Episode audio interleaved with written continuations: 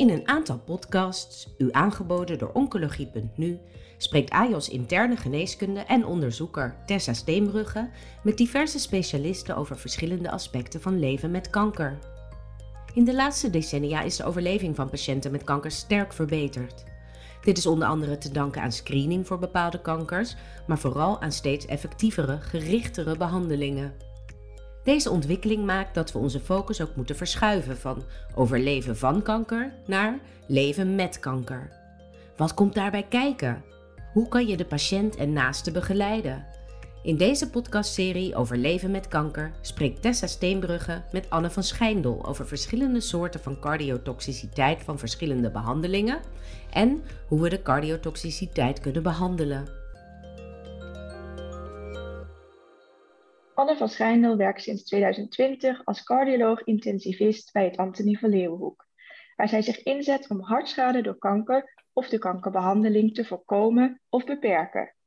Bij een goede kwaliteit van leven hoort ook op de lange termijn een goed functionerend hart. Hier is een groeiende rol weggelegd voor de cardio-oncologie.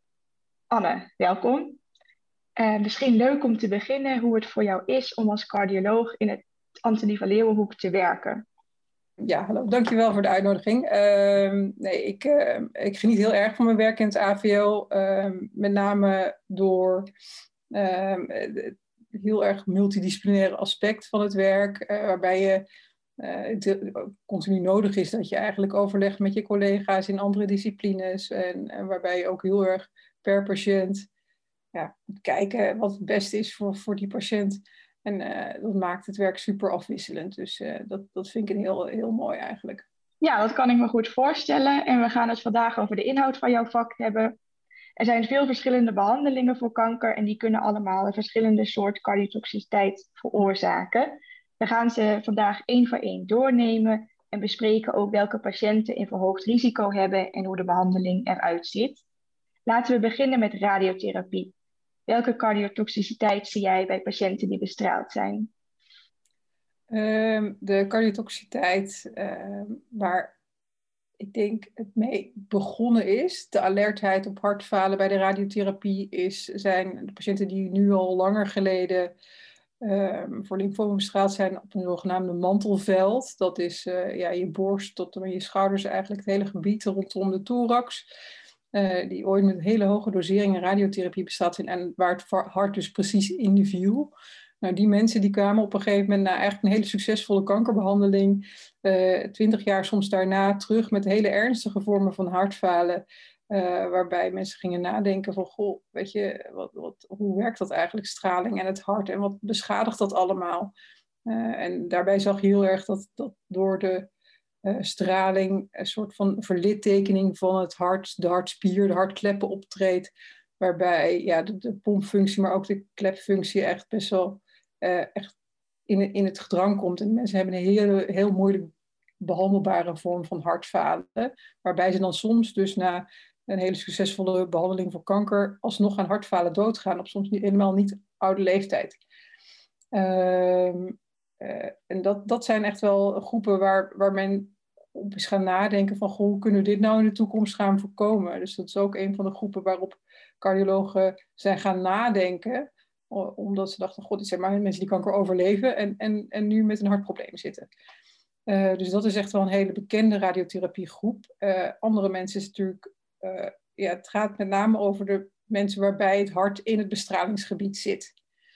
Uh, dus dat, dat, dat gebeurt bij alles in de thorax. Maar uh, omdat bijvoorbeeld borstkanker heel veel voorkomt, is dat ook vaak zo bij borstkankerpatiënten en dan met name de linkerborst, uh, waarbij het hart dan in het bestralingsgebied zit.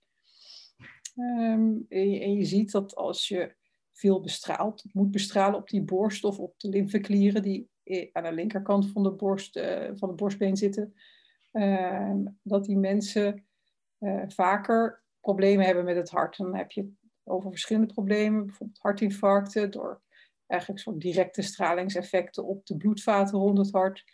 Uh, maar ook andere vormen van hartfalen of, of uh, ziektes van het hartzakje, pericarditis komen echt wel voor. Uh, en naarmate patiënten succesvoller behandeld worden en langer behandeld worden, ja, zie je ook vaker problemen ontstaan.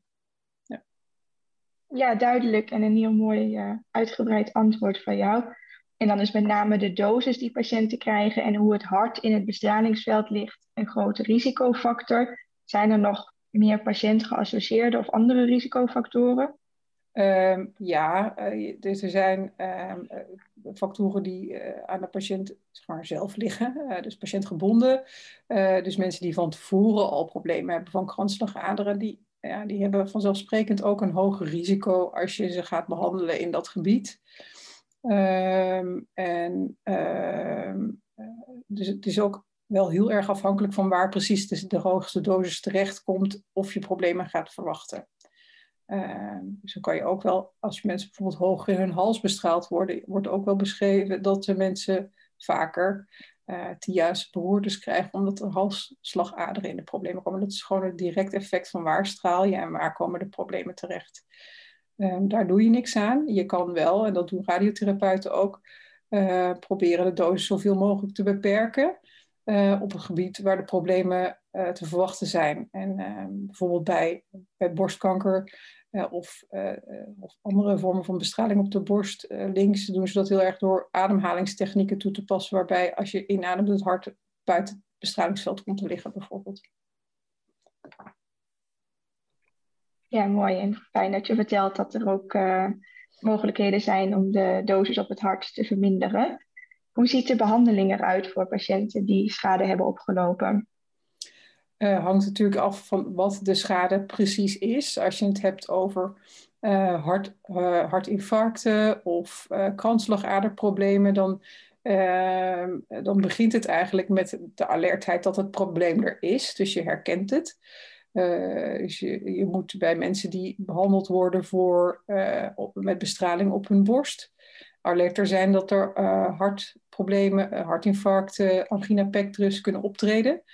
Uh, dus als die mensen klachten aangeven van kortademigheid, drukkend gevoel op de borst, minder kunnen inspannen, dan is dat een reden om dat te onderzoeken eigenlijk. Hun kans wordt hoger. Daarnaast zijn die mensen natuurlijk ook vaker niet, worden niet alleen maar bestraald, maar is er ook nog een, een, combinatie met andere therapie. En als dat ook nog cardiotoxisch potentieel is, dan versterkt dat elkaar. Dus dat is dan ook iets om over na te denken. en dan is het, even terugkomt op wat er precies aan de hand is. Afhankelijk van wat er aan de hand is, hoe je er verder gaat. Dus angina pectoris uh, kan je vaak starten met een medicamenteuze behandeling. Om te kijken of ze zonder klachten verder kunnen gaan met een behandeling. Als de klachten moeilijk te onderdrukken gaan, dan volg ik, volg ik eigenlijk de gewone algemene cardiologie richtlijnen voor mensen met angina pectoris. Um, wat dat betreft bij deze patiënten niet de reden om, daar, om die anders te behandelen. Uh, dan een andere patiënt met angina pectoris. Het is alleen dat je goed alerter moet zijn. Uh, ja. um, andere uh, bestralingseffecten, ja, kleplijden, komen vaak wat later. Dus de, de directere effecten zijn toch vaak de bloedvaten en de, de langere uh, termijn effecten van die, van die zogenaamde uh, fibrosering of verlittekening, ja, die komen iets later in, uh, na, na de behandeling vaak. Dus dat, dat hartfalen, hartfalenklachten die op kunnen treden, die verwacht je iets later in het traject. En ook die behandel je dan weer gewoon volgens eigenlijk de hartfalen, dan wel klep, probleemrichtlijnen die we hebben voor andere patiënten al. Ja, duidelijk. Um, een andere groep waar we denk ik ook al veel ervaring mee hebben, eh, behandeling die cardiotoxiciteit kan veroorzaken, is de chemotherapie en dan met name de anthracyclines. Wat zie jij bij deze patiënten? Ja, bij anthracyclines um, is bekend dat ze uh, afhankelijk van de dosering eigenlijk op een gegeven moment problemen gaan geven met het hart dan heb je het met name over een afname in de pompfunctie, dus de ejectiefractie. Uh, ejectiefractie is ook een heel bekend begrip daardoor binnen de oncologiewereld, uh, omdat, ze, omdat dat een, een, maat is voor de functie van het hart. Dan heeft het hart meerdere functies dan alleen maar die pomp, dus het is een grofmaat, er kan meer aan de hand zijn. Uh, maar het is wel een heel duidelijk instrument om het in de gaten te houden. Um, en bij anthracycline zie je inderdaad dat naarmate de dosis oploopt, dat de, um, de kans op hartfalen steeds groter wordt. En dat de uh, kans op blijvend hartfalen ook steeds groter wordt. Um, en dan heb je het eigenlijk ook over een, lifetime dosis, en, waarbij nu, nu de behandelingen eigenlijk succesvoller worden, dat ook echt wel relevant begint te worden of mensen in het verleden wel eens behandeld zijn met anthracyclines. En dan moet je dat eigenlijk gewoon optellen. En boven een bepaalde dosis weten we dat we echt wel moeten gaan opletten op die mensen om te kijken wat gebeurt er met het hart tijdens de behandeling. Ja, duidelijk. En dan krijgen die patiënten inderdaad niet meer opnieuw anthracyclines. Ja, die, uh, als het moet, ik, ik zeg altijd ook bij ons in huis, ja, als het moet, dan moet het. Uh, als, je, als dat echt de beste behandeloptie is voor een patiënt, omdat uh, zijn kanker de spuigaat uitloopt of het lijkt, er lijkt geen betere ander, ander traject voorhanden in eerste instantie, Ehm, dan kan je het nog steeds doen, maar dan moet je er echt samen even goed over nadenken met de oncoloog. En dan heb je ook binnen, bij anthracyclines wel nog mogelijkheden om uh, cardioprotectief uh, te werk te gaan. In ieder geval te zorgen dat je andere cardiotoxische middelen tegelijkertijd vermijdt. Dus er zijn strategieën om te zorgen dat je dan alsnog het risico vermindert, ook al zit je eigenlijk aan een hele hoge dosis vast. En ehm, dan kan je ook daarbij zijn er voor anticyclines ook dat je uh, als de patiënt zelf niet een erg verhoogd risico heeft, doordat hij bijvoorbeeld jong is en geen andere cardiovasculaire risicofactoren heeft, dan kan je het risico van de anticyclines misschien een beetje opstapelen. Terwijl je dat bij een, uh, een 75-jarige met diabetes en hypertensie liever niet zou doen. Dus dat, dat, dat maak je een afweging in. Ja, heel mooi, die patiëntgerichte aanpak. Ja, individualiseerde aanpak eigenlijk. Ja. ja. Uh, andere toxiciteit die jij bij chemotherapie ziet? Um, ja, de verschillende soorten uh, chemo, ja, de traditionele chemo natuurlijk, uh, geven verschillende soorten toxiciteit. Ehm, ehm, maar goed, in de, in de klassieke chemo is, is, zijn de anticyclines eigenlijk wel de hoofdmoot. Ehm, de, de, de, tweede bekende uh, in de behandeling, medicamenteuze behandeling van kanker, is uh, maar dat, dat geeft ehm, weer een andere vorm van cardiotoxiciteit. Dat zie je eigenlijk vrij snel. als het, en dan heb je het ook vaak over hartfalen en vermindering van injectiefractie. in, in, tegenstelling tot anthracyclines heeft, heeft dat niet echt te maken direct met de dosis. Dus ook bij lagere dosis kan je eigenlijk al klachten krijgen. En dat, dat komt ook dan soms vrij snel. Uh, het, het, fijne eigenlijk van trastuzumab is dat het wel ehm, vaak reversibel is als je dan weer stopt of even eh, pauzeert met de behandeling. Dus het is wel iets waar je goed een vinger aan de pols kan houden tijdens de behandeling. Ehm, uh, verder is het heel erg afhankelijk van uh, het soort middel wat je, wat je geeft, wat de specifieke toxiciteit is. En zeker nu alle nieuwe doelgerichte therapieën steeds meer opkomen. Dus er zijn er steeds meer van. Ehm, voor een, een cardioloog als ik uh, uh, bijna moeilijk bij te houden hoeveel dat er zijn. En ze komen sneller op de markt dan dat de cardiovasculaire complicaties natuurlijk heel erg bekend zijn. maar door het mechanisme weet je wel een beetje waar je alert op moet zijn. Dus inderdaad, angiogenese remmers geven problemen met bloedvaten. Um, en dus dit, je kan wel weten waar je op moet letten eigenlijk. Dus dat is, het, uh, gelukkig is er net een nieuwe richtlijn verschenen, waarbij ook heel duidelijk per ehm, eh, vorm van kankerbehandeling uh, wordt bekeken wat het risico precies is en waarbij je bij die patiënten op moet letten. Dus je kan ze eigenlijk niet allemaal meer op één hoop gooien en zeggen: voor chemotherapie zijn dit risicofactoren. Je moet echt kijken wat is het middel. Uh, en wat geeft dat voor problemen? En ja, dat is wel iets meer werk, maar het levert wel wat op als je er vroeg bij bent, zeg maar. Dus per chemo gewoon opletten, per doelgerichte therapie opletten, eigenlijk ook. Ja, ja mooi duidelijk advies. En je hebt al een heel mooi bruggetje gemaakt naar de doelgerichte therapie, wat een andere vorm is uh, van behandeling. Je noemde al trastuzumab en de linkerventrikel ejectiefractiedaling. die gelukkig vaak reversibel is. En de angiogenese-remmers. En dan hebben we ook nog de TKI's. Wat zie jij daarbij? Um, ja, dat het net over gehad. Angiogenese-remmers um, geven uh, echt bloedvatproblemen, maar dus uh, uh, angina pectoris, meer hartinfarcten, sommige ook tromboembolisch, dus meer venovasculaire problemen, zoals longembolieën, trombose. die effecten en de TKI's geven met name eigenlijk heel veel hypertensie. Um, en, en ja, dat zie je dan ook veel meer bij de mensen die al hypertensie hebben. Maar ook ja, uit het niets kan het soms komen. Um, en, en dat is ook iets waar je uh, wel eigenlijk al vrij snel wat mee moet. Dus die bloeddrukken uh, die boven de 140, 150 uit gaan komen, ja, op een gegeven moment moet je daarvoor gaan behandelen. Uh, dus die TKI's, en die, ja, die, die zijn er steeds meer in deze grote getalen. Ehm, en de behandeling is belangrijk. het enige wat je daarbij de hele tijd bij blijft afwegen is, die TKI's worden ook veel gegeven voor mensen met uh, gemetastaseerde kanker. Uh, uh, dus het, blijft een continue afweging van wat heeft deze patiënt aan een behandeling van hypertensie, dus heel ver, vergevorderde kanker. Uh, wordt je behandeldoel eigenlijk iets anders dan mensen die nog nou, 1, 2, 3, 4 jaar te leven hebben. Dus afhankelijk ook van de, van de prognose uh, van de kanker op zich, is, het, is de hypertensiebehandeling al dan niet belangrijker. Uh, dus ja, hoe beter de prognose, hoe beter, hoe beter je de hypertensie ook onder controle moet houden. Zeg maar. Ja, heel mooi. En mooi dat ja. je die nuance ook aangeeft. En de hypertensie behandel je op dezelfde manier als een hypertensie bij een andere patiënt.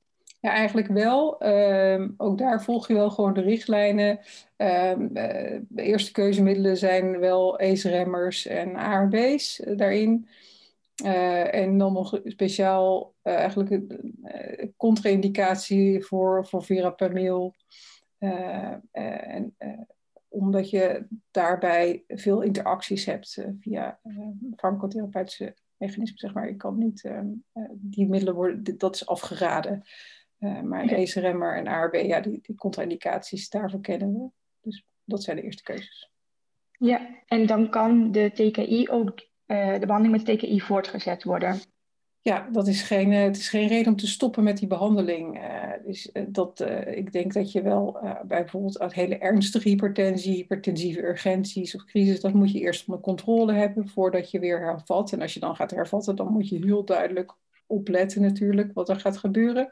Maar um, ook daarbij kan je gewoon de bloeddruk weer behandeld hebben. Uh, en doorgaan met je behandeling. Ik denk dat dat sowieso altijd behandeldoel nummer één is van de cardioloog. Ook zorgen dat mensen hun kankerbehandeling doorkomen. En niet stoppen. Nee, absoluut. Ja. En dan hebben we uh, recent gemerkt dat ook de immuuncheckpoint inhibitors uh, cardiotoxiciteit kunnen veroorzaken, wat weer van een andere aard is. Wil jij dat uitleggen?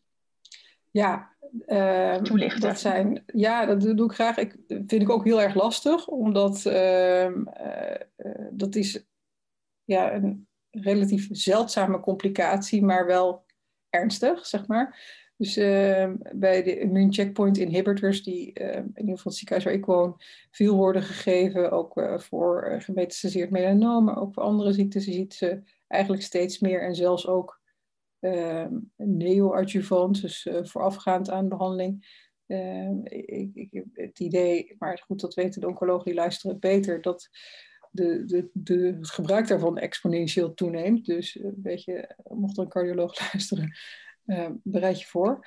Um, ik denk, uh, het lastige is dat het moeilijk te voorspellen is wat ze doen. Ehm, sommige bijwerkingen, bijwerkingen, toxiteit treedt veel op, gastrointestinaal, andere toxiteit. en cardiotoxiteit lijkt gelukkig zeldzaam. het wordt paar gemeld tot naar 1%, dus 0,01%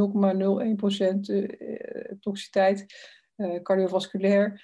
Maar ja, de, de belangrijkste die, die, waar je dan rekening mee moet houden is de myocarditis. En um, uh, die myocarditis is dus een inflammatie van de hartspier die je kan merken met name door de symptomen. Ehm, en waar, omdat het zo fataal kan aflopen als het een fulminant verloop heeft, mensen wel heel alert op zijn geworden. Ehm, en waardoor zij gaan zoeken naar hoe je dat moet opsporen. Nou, myocarditis is eigenlijk binnen de cardiologie daarvoor een, is eigenlijk een relatief zeldzaam ziektebeeld. Uh, met een hele specifieke methode van diagnose stellen en, uh, en behandelen. Maar de myocarditissen, zoals ze beschreven worden bij de immune checkpoint inhibitors, die, zijn, ja, die vallen daar een beetje buiten, zeg maar. Dus die hebben hun eigen um, diagnostisering en behandel vormen, uh, waarbij de diagnosestelling ook wel soms lastig is. Uh, omdat mensen ja, tijdens een myocarditis, als ze heel veel klachten hebben, niet zo makkelijk allemaal voor bepaalde onderzoeken kunnen verplaatst worden naar centra waar ze dat kunnen. Je kan mensen niet heel makkelijk tijdens een ernstige vorm van hartfalen een uur in een MRI leggen om te kijken of de myocarditis bevestigd kan worden. Dus dat, dat bemoeilijkt het een beetje. Uh, maar we weten, uh, het is een combinatie van, van klachten. Uh, er moeten symptomen zijn. Er zijn een combinatie, van, met, in combinatie met afwijkingen op onderzoek. Dus ECG-afwijkingen, ritmestoornissen. Uh, en een, een, een, verandering van de hartfunctie die je kan terugvinden op een beeldvormingstechniek. Dus bij echo verminderde knijpkracht of wandbewegingsstoornis regionaal. afname van strain, in een echobeeld. Dus als je uh, zeg maar de beweging van de spier binnen de hartspier zelf, of dat verandert, een hele gevoelige maat kan zijn, kan helpen. Uh, maar om het echt aan te tonen, moet je eigenlijk in die hartspier kunnen kijken. En het beste onderzoek wat we daarvoor hebben is een MRI. Nou is die in, in de praktijk moeilijk, uh, omdat de wachttijden daarvoor vaak lang zijn. En het dus niet zo eenvoudig is voor een patiënt als die heel instabiel is, om een uur in een MRI te gaan liggen. Dus dat wordt lastig. Uh, de richtlijnen zeggen ook nog wel, je kan een, endo, een myocardbiopt afnemen. Dus echt een stukje uit het hart. Uh, maar dat is ook een heel gespecialiseerde onderzoek, wat ook niet overal beschikbaar is. Dus dat, dat is ook lastig. Ehm, maar naarmate de, de, de, mail meer toegepast wordt, ehm, komen ook is de ervaring met dit soort uh, zeldzame complicaties wordt wel iets groter. Uh, op we er alert erop zijn, doen we meer onderzoek ook bij patiënten die er nog, die nog geen klachten hebben. Dus de nuances worden wel duidelijker in wat nou afwijkend is en wat niet. Niet elke volgende troponine is een myocarditis. En sommige mensen hebben tijdens checkpoint inhibitors ook andere redenen om een volgtroponine te hebben. Misschien hebben ze wel gewoon coronair lijden. En misschien uh, wordt dat ook, dat wordt ook versterkt door een, uh, of een, het risico op complicaties van al bestaand coronair lijden is ook groter bij een checkpoint inhibitor. Dus ja, er speelt heel veel mee, uh, eigenlijk. Ja, nee, heb je mooi verwoord en uitgelegd. En de uh, myocarditis, die behandelen we met prednison, denk ik, of met corticosteroïden in het geval van uh, ja. immuungeïnduceerde toxiciteit? Zeker. Uh, waar ik werk uh, is het, doen we dat heel erg in samenspraak met oncologen. Ehm, waarbij de strategie eigenlijk wel is dat je eigenlijk vrij snel start met een hoge, door, bij, als de verdenking sterk is. doordat je bijvoorbeeld en uh, oplopende biomarkers hebt, gecombineerd met klachten of afwijkingen. het is op, dus in ieder geval twee, laat ik zo zeggen. Biomarkers en een veranderd ECG, biomarkers en een veranderd echo. Uh, uh, of in combinatie met klachten. Eén is eigenlijk bijna nooit genoeg, maar als je er twee hebt, uh, dan wordt er vrij snel inderdaad onderbroken met de point inhibitor en gestart met eigenlijk direct hoge dosering corticosteroïden.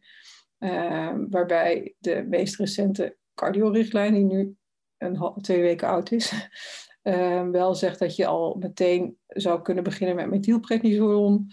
Um, alternatief is 1 eh, milligram per kilogram prednisolon. En dan gewoon vrij snel in een hoge dosering starten om de potentieel ernstige effecten te dempen. en tegelijkertijd beginnen met een, een strategie om je diagnose duidelijk te krijgen. Maar je wacht dan niet tot de diagnose gesteld is. Je, je doet het op basis van een sterke verdenking al. Goed om te weten dat we daar uh, sneller in gaan handelen. En volgens mij zei je het al, maar is het nog moeilijk om te identificeren welke patiënten een groter risico hebben op het ontwikkelen van deze toxiciteit? Ja, ehm, de uh, myocarditis uh, houdt zich niet aan de traditionele uh, vorm van verhoogd cardiovasculair risico in die zin. Uh, dus het is niet zo dat, dat we weten dat uh, roken of diabetes of hypertensie myocarditis risico verhoogt. Ehm, wat, we wel, wat, wat wel intussen duidelijk begint te worden, is dat de mensen die behandeld worden met twee checkpoint inhibitors tegelijkertijd meer risico hebben, bijvoorbeeld. En ehm, ehm, dat je ook bij mensen die al een andere vorm van toxiciteit hebben, uh, meer op moet letten. Dus mensen, mensen met uh, neuromusculaire klachten, mensen met ehm, endocrine problemen door checkpoint inhibitors. bij die mensen is het echt moeite waard om, om een keer screenen te kijken of er niet tegelijkertijd ook cardiotoxiciteit is. Bijvoorbeeld een ECG te maken, wel een troponine BNP te prikken. Want we weten, als je de ene vorm van toxiciteit hebt, is de kans ook groter dat je de andere vorm ook hebt. Dus mensen met serieuze toxiciteit op een ander gebied zou ik ook altijd wel willen onderzoeken, eigenlijk even. Ja, duidelijk advies en goed om mee te nemen. Dan wil ik het graag nog even hebben over een andere vorm van immuuntherapie en dat is de celtherapie. Deze behandeling wordt nog niet veel gegeven, en nu vooral in gespecialiseerde centra, maar met de recente data van de TIL-studie komt daar mogelijk wel verandering in. Als cardiotoxiciteit optreedt, kan die vrij ernstig verlopen. Wat zie jij bij de patiënten die worden behandeld met TIL-therapie of CAR-T-celtherapie? Ja, je ziet, uh, dat zijn eh, voor een, uh, een, mensen die er niet bekend mee zijn, want ik ook niet was tot ik in het AVL ging werken, uh, hele heftige behandelingen voor de patiënt. Uh, waarbij echt best wel forse, in ieder geval, uh, bijwerkingen optreden. Waarbij je bij de tilbehandeling heel erg ziet dat mensen heel veel vocht vasthouden. Ehm, eh, eigenlijk door de, de cytotoxische reactie. Ehm, en daarbij, dat vocht gaat overal zitten. Dan wordt het onderscheid met hartfalen soms best lastig. Um, dus bij die patiënten um, ja, kom ik gewoon eigenlijk heel laagdrempelig langs om te kijken als ze last hebben van pleuravocht, ödeme, benauwdheid. Uh, of het hem echt zit in uh, een capillary leak, dus gewoon lekken. Of dat er uh, sprake is van hartfalen. Ehm, eh, bij deze patiënten zijn ook vaak wel de, de cardiale markers verhoogd, zowel het NT-proBNP als, uh, als de troponines.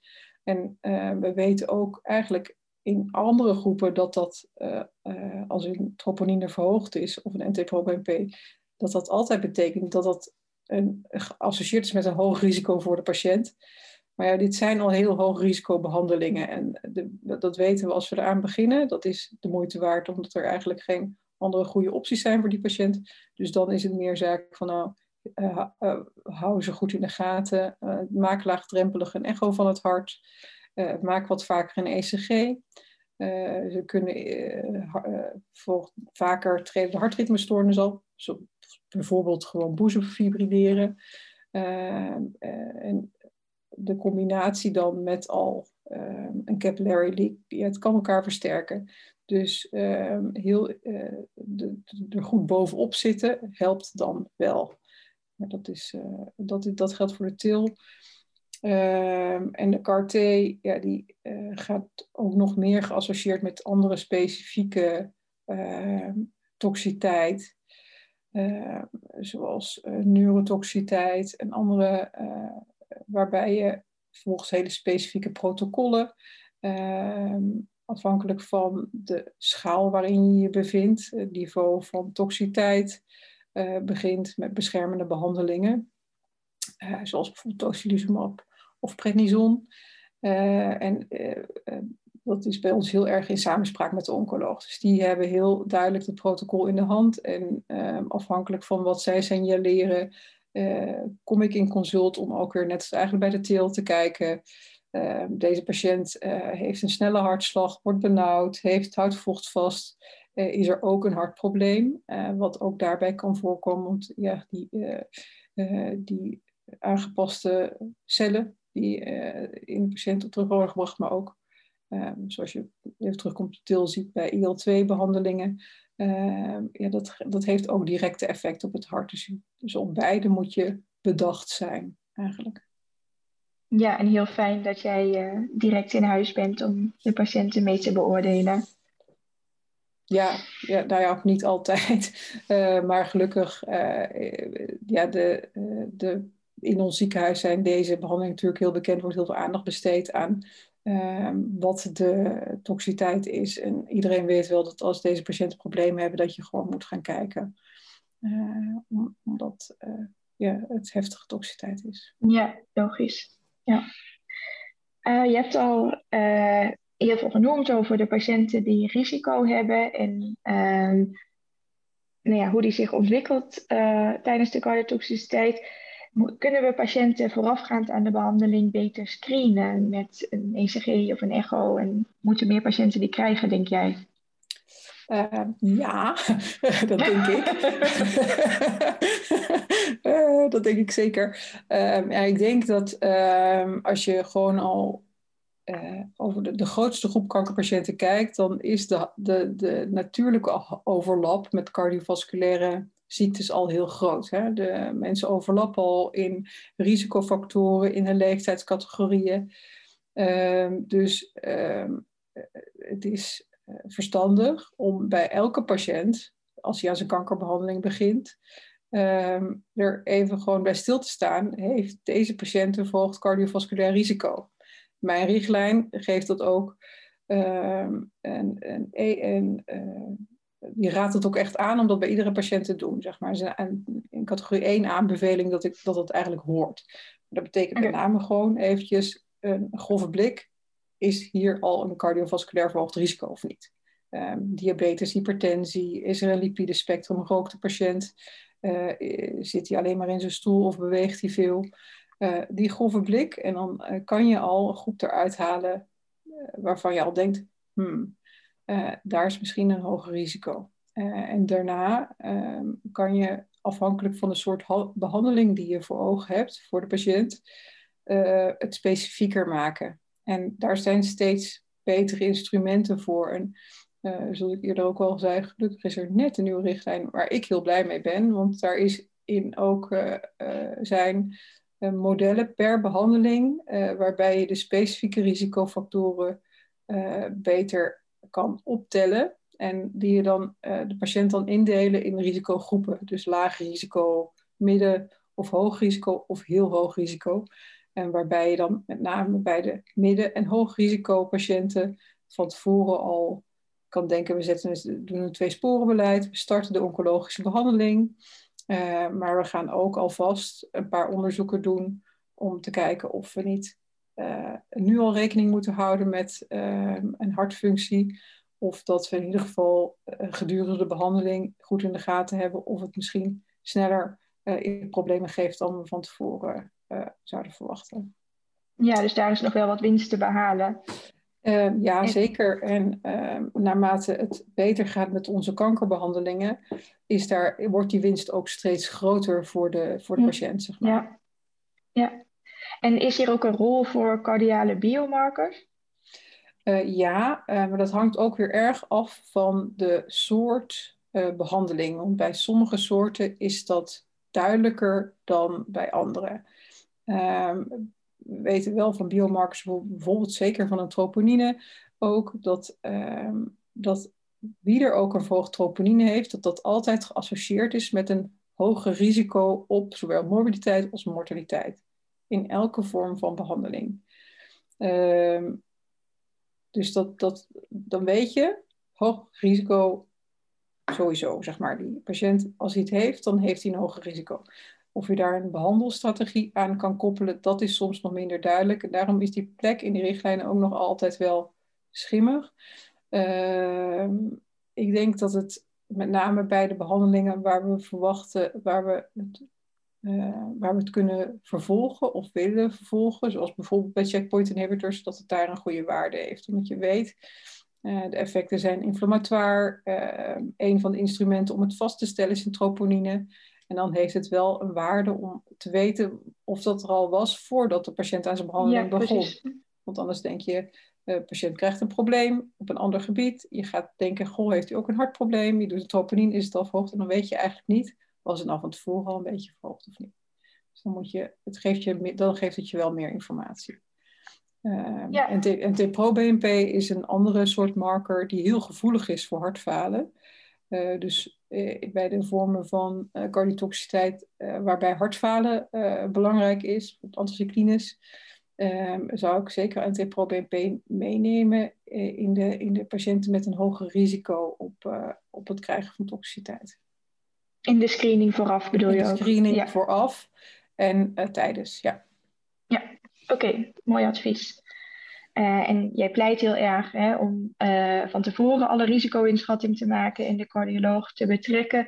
Uh, er zijn natuurlijk ook al heel veel patiënten behandeld. Kan je een advies geven of patiënten standaard 15 jaar na de behandeling gezien zouden moeten worden door een cardioloog of wat we in de follow-up kunnen doen? Ja, Um, ik denk dat je, um, uh, terugkomt, ik denk niet dat per se iedere patiënt naar de cardioloog moet. Ik denk wel dat je voorafgaand aan de behandeling um, uh, een cardiovasculaire risico-inschatting moet maken. En als je daar, als je samen met de behandeling die je van plan bent, uitkomt op een verhoogd risico op cardiotoxiciteit, hoe hoger het risico, hoe relevanter het wordt dat de patiënt naar de cardioloog gaat. Maar dat geldt dus eigenlijk al bijna bij alle patiënten die je gaat behandelen met anthracyclines of met bijvoorbeeld trastuzumab. Uh, of bij patiënten die, potentieel, die misschien een zeldzamere, maar wel potentieel heel gevaarlijke bijwerking kunnen verwachten, zoals TIL of CAR-T-behandeling. Uh, voor patiënten die hun uh, behandelingen afgerond hebben of later, ehm, raden we sowieso aan als je de behandeling, stel nou dat je patiënten hebt die al behandeld zijn met anticyclines of uh, tijdens hun behandeling zijn, maar geen probleem hebben gehad gelukkig en bijna klaar zijn, uh, is nu ehm, het advies vanuit de cardiologie om uh, na het afronden van de behandeling eigenlijk de screening te doen, een echo te maken om te kijken wat de uitgangshartfunctie is of de functie na de behandeling. Ehm, en dan na een jaar, als, de, als het uh, een hoogrisicopatiënt is, dat na een jaar nog een keer te herhalen. Om te kijken of er dan nog iets verlaten toxiciteit optreedt. En dan eigenlijk in ieder geval elke vijf jaar. Dan heb je het over de patiënten die met een bekend cardiotoxisch middel zijn behandeld. Of mensen die vanuit zichzelf een hoog cardiovasculair risico hebben. Dus hypertensie, diabetes, hogere leeftijd. Um, je staat patiënten in, in een hogere risicogroep. En die groep die ga je dan toch wat vaker terugzien dan uh, een patiënt met een laag risico die met een uh, middel is behandeld wat niet vaak cardiotoxisch is. Ja, duidelijk. En vooral dus ook alert blijven op de risico's die er zijn. Ja, ja, dan denk ik dat jij een heel mooi overzicht hebt gegeven over de verschillende vormen van cardiotoxiciteit die kunnen voorkomen tijdens de behandeling en welke patiënten een groter risico hebben. Ik wil jou graag het laatste woord geven. Uh, wat zou jij behandelteams nog willen meegeven? Uh, ik denk dat uh, wat ik liefst ook in mijn omgeving liefst zie, is dat je mensen ehm, die, die eerste blik, een grove inschatting, heeft deze patiënt een cardiovasculair verhoogd risico of niet? Vergeet die niet, zeg maar. Dus uh, maak een algemene inschatting. En het, behandelen van diabetes, hypertensie uh, is ook belangrijk om, uh, om problemen tijdens de behandeling te voorkomen. En ook bij oudere patiënten kan het ervoor zorgen dat ze, als ze geen complicaties hebben, een behandeling kunnen afmaken, zeg maar. Dus dat, dat geeft, toch al sneller winst dan je denkt. En, um, en denk ook aan de late effecten. Dus het is echt heel eenvoudig om je patiënt na het afronden van zijn behandeling uh, met een goede screening en een advies uh, weer uh, de wijde wereld in te sturen en zeggen, weet je wat, het is hartstikke goed. we houden je in de gaten. Kom over vijf jaar nog eens terug en dan kijken we nog eens na of er lange termijn effecten zijn. En dan hoef je niet verrast te worden. En bespreek dan, ik bespreek dan ook wat, wat, wat ze dan kunnen verwachten als het niet goed gaat, zeg maar. Gewoon, wat, wat zijn dan klachten waar je op moet letten? Ehm, en gewoon dat mensen alert zijn. Ja, een heel mooi advies. Ik wil je heel hartelijk bedanken voor het delen van jouw kennis in dit interview. Dankjewel. Bent u geïnteresseerd in de overige podcasts uit de podcastserie Leven met kanker? Deze zijn te vinden op het podcastkanaal van de website oncologie.nu